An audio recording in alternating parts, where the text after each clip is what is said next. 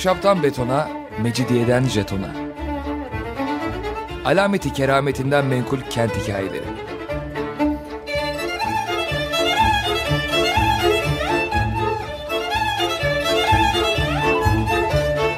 Hazırlayan ve sunan Pınar Erkan.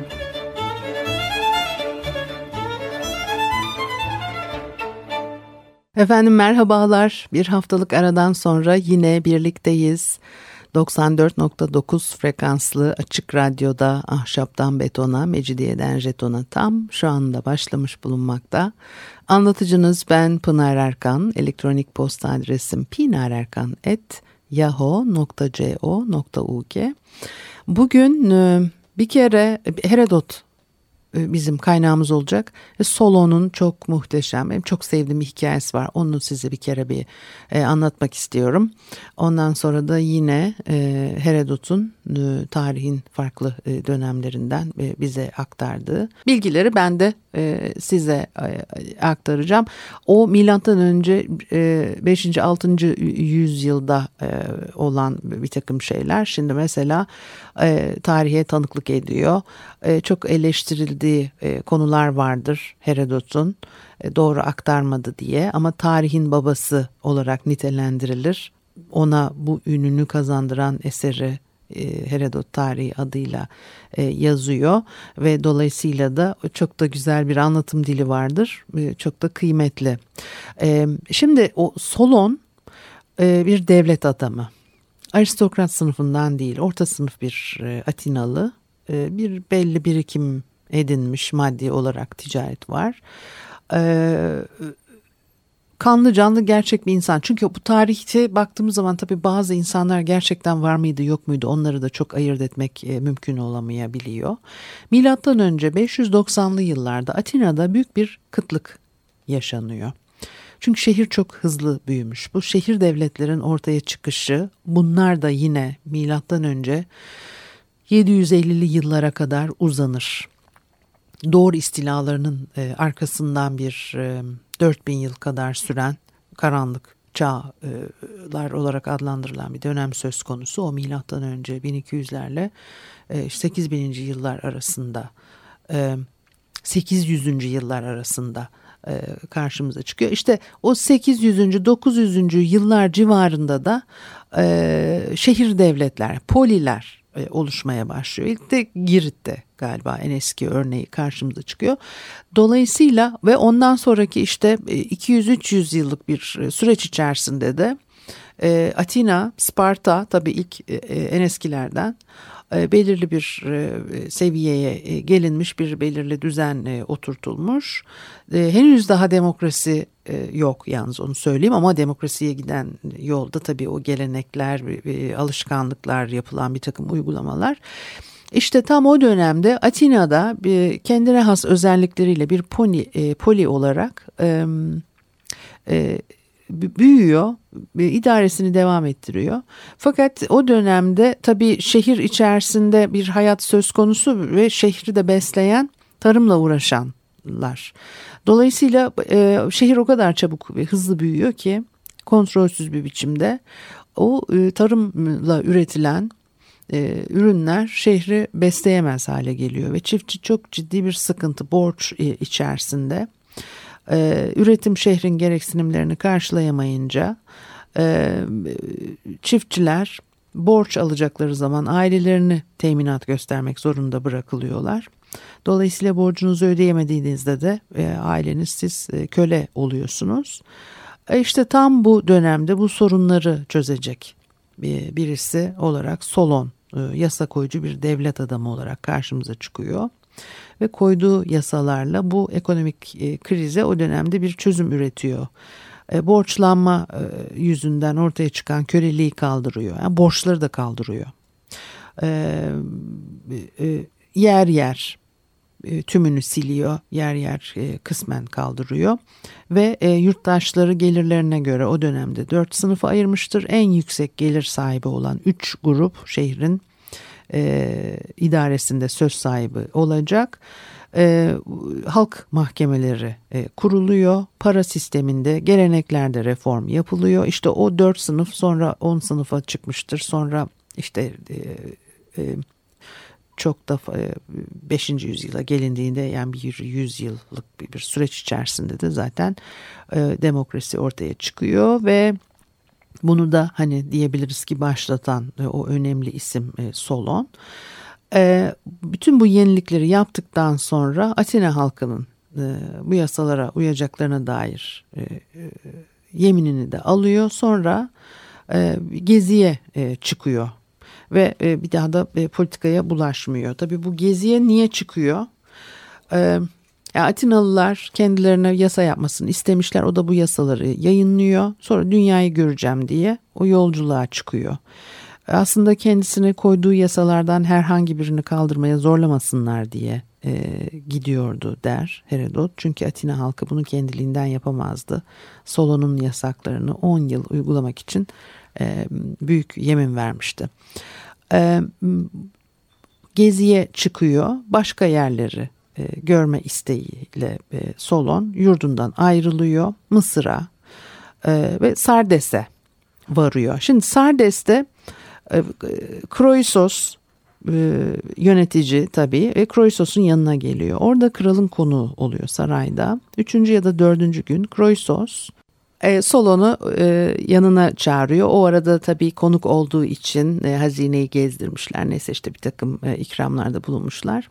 Kroisos ona soruyor. Diyor ki Atinalı yani benim konuğumsun. Bir filozof olarak sana bunca ülkeyi gezdirten meraklı yaratılışının ve bilgeliğinin ününü birçok kez biz de duyduk. Bundan ötürü sana şunu sormak isteği uyandı bende. Acaba mutlulukta başka herkesi geride bırakan bir kimseye rastladın mı? Böyle soruyordu çünkü kendisi bu adam olmakla övünürdü. Bütün talihli insanlar arasında ama Solon ona yaranmayı aklına bile getirmeden ve yalnız gerçeği düşünerek Atinalı Telos'u gördüm dedi. Kroisos e, e, tabii işte yer yer artık Herodot'un cümleleri biraz da ben anlatacağım. Yani o kadar her şeyde oradan e, birebir e, anlatamam, aktaramam size. Şimdi Kroisos da bu cevabı çok e, şaşırıyor. Çünkü kendisi son derece varlıklı, zengin, her bakımdan herkesin e, gıptayla e, bakacağı birisi olarak görüyor kendini. E, bozuluyor tabii adam sensin demedi diye. E Telos'u niye bu kadar talihli sayıyorsun diye soruyor. Ve Solon diyor ki Telos zengin bir ülkede yaşıyordu. Güzel, erdemli çocukları vardı. Ve evinde başka çocukların da doğduklarını ve hepsinin de yaşadıklarını gördük. Üstelik bizde talih bakımından gerekli olan geniş ve maddi rahatlığı da vardı. Ama asıl şu ki ömrü parlak bir sonla taçlandı. Atinalıların komşu kente karşı verdikleri bir savaşta Elosis'te yurdunu savunurken ve düşmanı önüne katıp kovalarken buldu ölümlerin en güzelini. Ve Atinalılar ulusal tören yaptılar onun için düşmüş olduğu yerde ve onu çok ululadılar. Solon'dan Telos'un mutluluğunu dinlemekten e, bıkıyor tabii Kroisos. Ondan sonra kim gelir senin bildiğin diye soruyor. Çünkü hiç olmazsa ikinciliğin e, kendisine geleceğinden hiç şüphesi yok. Bu sefer e, Solon diyor ki Kleobis ve Biton ikinci sırada. Argos soyundan olurlar namuslarıyla yaşayacak kadar varlıklıydılar. Kolları da güçlüydü. İşte bak bu yarışmalarda kazandıkları ödüllerden başka bir de şunu anlatırlar onlar için. Argonlular bir bayram kutluyorlardı. Annelerinin bir arabayla tapınağa kadar getirilmesi gerekiyordu ve öküzler istenildiği saatte tarladan dönmemişlerdi. Geç kalmaktan korktu gençler ve kendileri girdiler boyundurağa ve arabayı çektiler. Arabanın üzerinde anneleri vardı ve gık demeden 45 stadyon boyunca onu taşıdılar ve tapınağa getirdiler. Orada bulunan bütün inanç sahibi kişiler bunu gözleriyle gördüler. Bundan başka bu davranışları ölümlerin en tatlısıyla taçlandırıldı. Tanrı onlara insan için ölümün yaşamaktan daha iyi olduğu yeri gösterdi. Argoslular sarmışlardı çevrelerini ve bu genç adamların maddi manevi güçlerine imreniyorlardı. Böylece soylu çocukları olan anneyi kutluyorlardı. Anne mutluluk içindeydi. Oğullarının başarısıyla başı dik. Tanrıçanın heykeli karşısında ayakta duruyor. Ona kendisine bunca onur kazandırmış olan oğulları Kleobis ve Biton'a insanoğlunun elde edebileceği en iyi şeyi bağışlaması için dua ediyordu. Ve bu duadan sonra kurban kesildi, kutsal şölenler e, yapıldı. Sonra delikanlılar tapınağın içinde yatıp uyudular ve uyanmadılar. Bu son uykuda kaldılar. Argoslular onların heykellerini yaptırdılar. Üstün ve yüce kişiler sayarak Delfi'ye sundular. Diye bu hikayeyi anlatıyor ama artık tabi herhalde Kroisos bayılmak üzere. Ee, ikinci sırayı da bu genç adamlara verdi. Bana niye bir türlü sıra gelmiyor? Adamın canı sıkılıyor. Atinalı yabancı. Ya biz bizim mutluluğumuzu sen hiçe mi sayıyorsun ki bu basit insanları koyuyorsun ikinci sıraya diyor. Ee, ve e, Solon'da e, bakıyor diyor ki insan bir ömür boyunca görmek isteyeceği çok şeyi görebilir. Çok eziyet çekebilir. Ben aşağı yukarı 70 yıl sayıyorum insan, insan ömrünü ve e, bu 70 yıl içerisinde bir tek olay yoktur ki bugün yarınkine benzesin. Şu halde ey Kroisos, insan için yalnız talih ve talihsizlik vardır. Evet görüyorum, sen çok zenginsin, çok insana hükmediyorsun ama benden istediğin şeye gene de cevap veremem. Çünkü önce ömrünün güzel bir sona bağlandığını öğrenmem gerekir diyor. Ee, ondan sonra da yine devam ediyor. Şöyledir böyledir diye Solon konuşmayı e, seviyor veya e, Herodot e, onu tabii e, böyle e, anlatıyor uzun uzun. Şimdi e, e, en sevdiğim hikayelerden biridir bu e, ve çok şey anlatır. Solon'da çok muhterem bir adammış. Şimdi bir de tabii şöyle bir durum söz konusu oluyor. Aradan yıllar geçiyor. Solon bunu söylüyor ya önce bir nasıl öldüğünü göreyim senin öyle karar vereceğim dünyanın en mutlu adamı olup olmadığına diye. E, zaman geçiyor Lidya Krallığı Pers istilasına uğruyor ve Pers kralı Kiros Kroisos'u esir alıyor. E, ateşte yanarak ölümle cezalandırıyor ve odunların üstünde ölümü bekleyen Kroisos göklere doğru bağırıyor. Solon, Solon, Solon diye. E, Kiros merak ediyor bu adam niye böyle e, ölüm anında Kiros diye e, Solon diye bağırıyor ve diyor ki ne demek istiyorsun? E, bunun üzerine Kroisos da e, Solon'la arasında geçen konuşmayı anlatıyor. Bu hikayeden Kiros çok etkileniyor. Kroisos'un hayatını bağışlıyor. Onu valisi ve danışmanı e, yapıyor. Bir müzik arası verelim. Ondan sonra Herodot'tan başka hikayelerle devam edelim.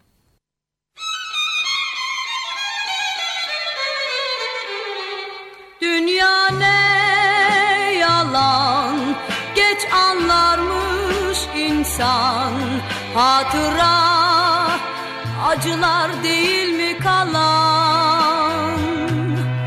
Dünya ne yalan. Doymaz aşka insan. Aşk kuma yazılmış bir yalan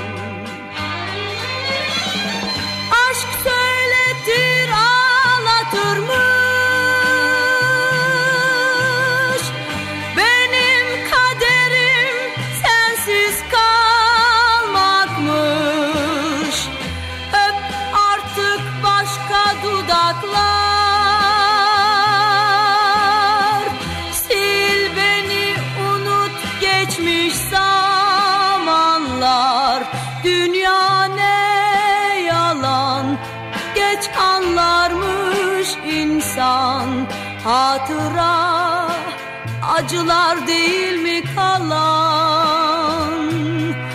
Dünya ne yalan doymaz aşka insan.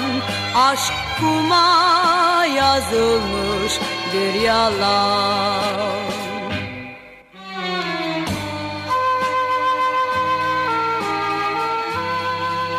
Günden güne sönmek ne acı.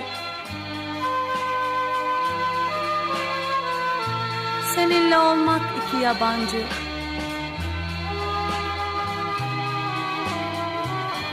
Bir kucak dolusu kül artık mazi. Sen çiçeksiz gömdün sevgimizi. Dünya ne yalan. Geç anlarmış insan Hatıra acılar değil mi kalan? Dünya ne yalan Doymaz aşka insan. Aşk kuma yazılmış bir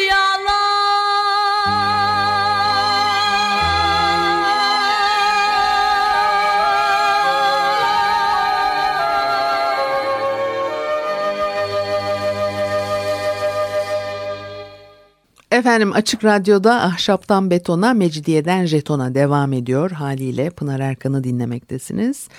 Herodot'tan e, e, hikayeler size aktarıyordum. Şimdi Mısırlılar e, Sametikos zamanından önce kendilerini dünyanın ilk insanları sayıyorlarmış ama e, bir gün geliyor ve Sametikos krallığı e, ele alıyor. İlk insanların kimler olduğu e, merakı e, e aklına düşüyor. E, o günden sonra e, kendilerini gene bütün öbürlerin en eskisi saymakla beraber e, Herodot'un sözleri bunlar. Frigyalıların kendilerinden de eski oldukları kanısına varıyorlar. Böyle bir e, olay yaşanıyor çünkü ve Samatikos e, soruşturmalarına rağmen dünyaya ilk gelen insanların kimler olduğunu bir türlü e, öğrenemeyince Herodot diyor ki şu anlatacağım çareye başvurdu. Bir çobana rastgele iki tane yeni doğmuş çocuk verdi. Bunları ağla, e, konmasını istedi ve e, o şekilde e, büyütülmelerini istedi. Çocukların yanına yani ağla koyacaklar ağda büyütecekler. Çocukların yanında kimse ağzını açıp tek söz söylemeyecek. Ayrı bir odada kendi başlarına büyüyecekler ve çoban belli saatte keçileri alıp yanlarına götürecek, süt içirip iyice karınlarını doyuracak. Sonra kendi işlerine bakacaklar. Ve Sametikos'un böyle yapmasının ve bu emri vermesinin nedeni ee, çocukların viyaklamalar çağını aştıktan sonra ağızlarından çıkacak ilk sözü duymak. Ve gerçekten de öyle oluyor. Üzerinden iki yıl geçiyor ve bir gün çoban kapıyı açıp içeri giriyor ve önünde e, dizüstü duran iki çocuk ellerini uzatarak Bekos diye bağırıyorlar. Çoban e, bu sözü ilk duyduğunda bir şey demiyor ama daha sonra her gelişinde aynı sözü işitince efendisine haber veriyor. Ve onun isteği üzerine çocukları e, kendi görsün diye alıp e, götürüyor ve e, Sametikos kendi kulağıyla duyduktan sonra herhangi bir şeye Bekos adını vermiş olan insanların kimler olduklarını araştırmaya koyuluyor. ve arıyor, tarıyor ve Frigyalıların ekmeğe Bekos dediklerini öğreniyor. Böylece bu ipucuna dayanarak Mısırlılar Frigyalıların kendilerinden daha eski olduklarını kanaat getiriyorlar. E, ve bunu böyle artık söylemeye başlıyorlar. Bu hikayeyi Memphis'te Hefasistos rahiplerinden dinledim. Hefasistos e, burada da e, tapılır diyor ve Yunanlılar bu konuda boş laflar söylerler. Sametikos güya dilini kestirdiği kadınlara emanet etmiş bu çocukları filan gibi şeyler diye bir de çok da gerçekçi e, bulmadıklarını bulmadığı şeylerini de e, e, ifade ediyor. E, o Memphis'teki rahipler ona bu hikayeyi anlatmışlar. Ondan sonra da Memphis'te duyduğu hikayelerle başka yerde duydukları duyduğu bu konuyla ilgili hikayeler işte birbirine uyuyor mu filan diye e, bakmış ve diyor ki insanlar için söyledikleri arasında e, birbirini tutan şeyler var. Mesela Mısırlar için söylüyor bunu aslında insanlar arasında mevsimleri 12 bölüme ayırıp ilk olarak yılı bulanlar Mısırlılar. Ayları ise yıldızlara bakıp hesaplayarak buldular. Mısırlılar e, Yunanlılardan daha bilimsel olarak e, hesapladılar bana kalırsa yılı diyor. Çünkü Yunanlılar mevsimleri denkleştirmek için yıla iki yılda bir bir artık ay katıyorlarmış. E, Mısırlılar ise 12 ayın her birini 30 gün e, sayıyorlar ve sadece yıla açıktan 5 gün katarak mevsimlerin e, periyodik çemberini tamamlamayı başarıyorlar. Diyor ki büyük tanrılar için 12 adı ilk olarak Mısırlılar e, kullandılar ve Yunanlılar da ondan onlardan aldılar. Bu tanrılar için ilk olarak sunak, heykel, tapınaklar yapanlar, taşlar üzerine hayvan resimleri kazanlar da gene onlardı. Ve bunları söyleyenler bana her zaman söylediklerinin kanıtlarını da göstermişlerdir. İnsanlar arasında Mısır'da ilk olarak saltanat süren bana dediklerine göre Menes'tir diyor. Tabi Menes önemli kral Menes e, Kuzey Mısır'la Güney e, Mısır'ı e, birbirine bağlayan ilk kral milattan önce 3000'li yıllarda tabii e, e, bir e, merkezi yapı, bir e, stabil yapı içerisinde bir ülkeyi bir arada tutabilmek çok önemli bir şey.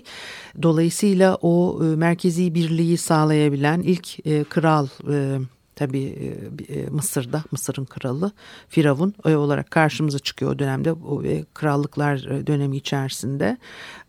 Çok önemli bir isim. Eski çağda onun döneminden başlatılıyor. İşte Herodot'un söylediği de o dönem. Ee, onun zamanında Tebaiden gayrı her taraf bataklıktı. Bugün Moiris Gölü'nün uzandığı yerin ötesi de öyleydi. Onun için deniz kıyısından bu göle kadar ırmağı izleyerek gidebilmek için 7 gün yol yapmak e, gerekirdi diyor. Tabii başka gözlemleri de var.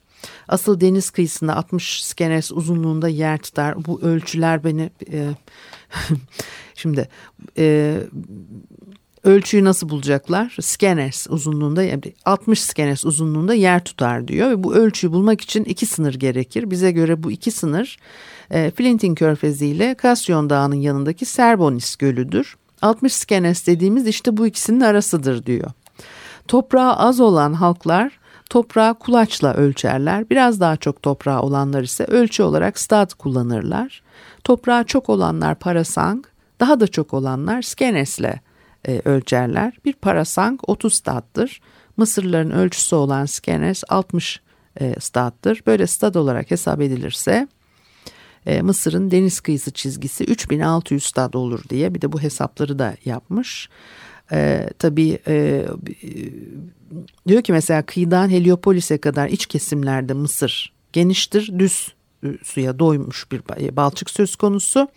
Ve kıyıdan içeri Heliopolis'e giden yolun uzunluğu aşağı yukarı Atina'da 12 tanrı sunayla Pisa'daki Olimpos Deus'u tapınağı arasındaki yol kadar. Bu iki yol ölçülecek olursa tam tamına eşit olmalarına pek az bir şey kaldığı görülür. Ha, bilemedin 15 stat diye bunu da söylemiş. Zira Atina ile Pisa e, arası 1500 stad olmak için 15 e, stat daha ister ve deniz kıyısından Heliopolis'e kadar uzanan yol ise tam tamına 1500 stattır. Yani Herodot tabii çok tatlı adam böyle sohbet eder gibi sanki karşısında biri var gibi bütün bunları böyle e, e, e, yazmış. E, çok şey anlatıyor bize. Çok da fazla vaktimiz kalmadı. O Mısır'ın törelerinden bahsediyor. Ee, Mısırlılar e, yalnız öbür iklimlerden değişik bir iklime ve öbür ırmaklara benzemeyen bir ırmağa e, sahip olmakla kalmazlar.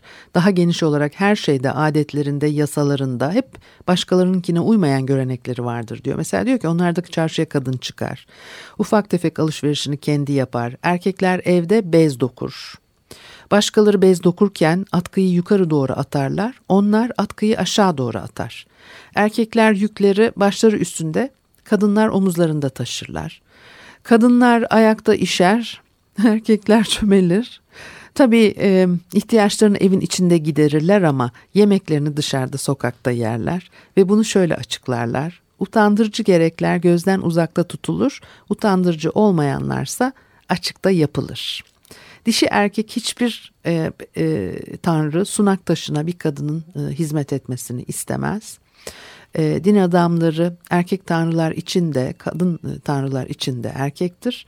E, ana babalarına bakmak istemeyen erkek çocuklar buna zorlanamazlar ama kızlar istemeseler de ana babalarına bakmak mecburiyetindedirler. Tanrı adamları başka yerlerde uzun saçlı olur. Mısır'da kafaları kazınmıştır. Başka yerlerde yakın akrabadan biri öldüğü zaman yas tutmak için e, başlarını kazıtırlar. Mısırlılar tersine aslında kazınmış olan saç ve sakallarını e, uzatırlar. Başkaları evlerinde hayvanlardan ayrı yaşar. Mısırlılar evlerini hayvanlarla paylaşırlar. Başkaları buğday, arpa yer. Mısır'daki geçimini bununla sağlar. Bunlara hiç değer verilmez. Ekmeklerin bazılarını e, rezya dedikleri değişik bir tahıl türünden yaparlar. Bunu ayakla, havanla, elle yoğururlar. Elleriyle gübrede tutarlar. Başka yerlerde organlar e, tabiat nasıl yapılmışsa öyle bırakılır. Yalnız Mısırlılar bu adeti Mısırlılardan almış olanlar sünnet olurlar. Yani organlar derken işte vücuttan bahsediyor. Tabi ne dedi? E, o tahıl türünden işte yiyecek yaparken ayakla havanla elle yoğururlar diyor. Ondan sonra da o elleriyle de gübrede tutarlar derken de Neyse hadi burada bırakalım. Bu haftalık da bu kadar olsun. Haftaya görüşene kadar. Hoşçakalın.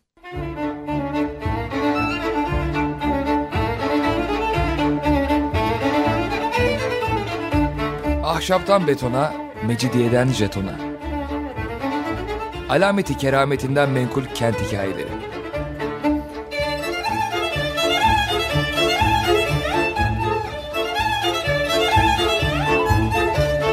Hazırlayan ve sunan Pınar Erkan.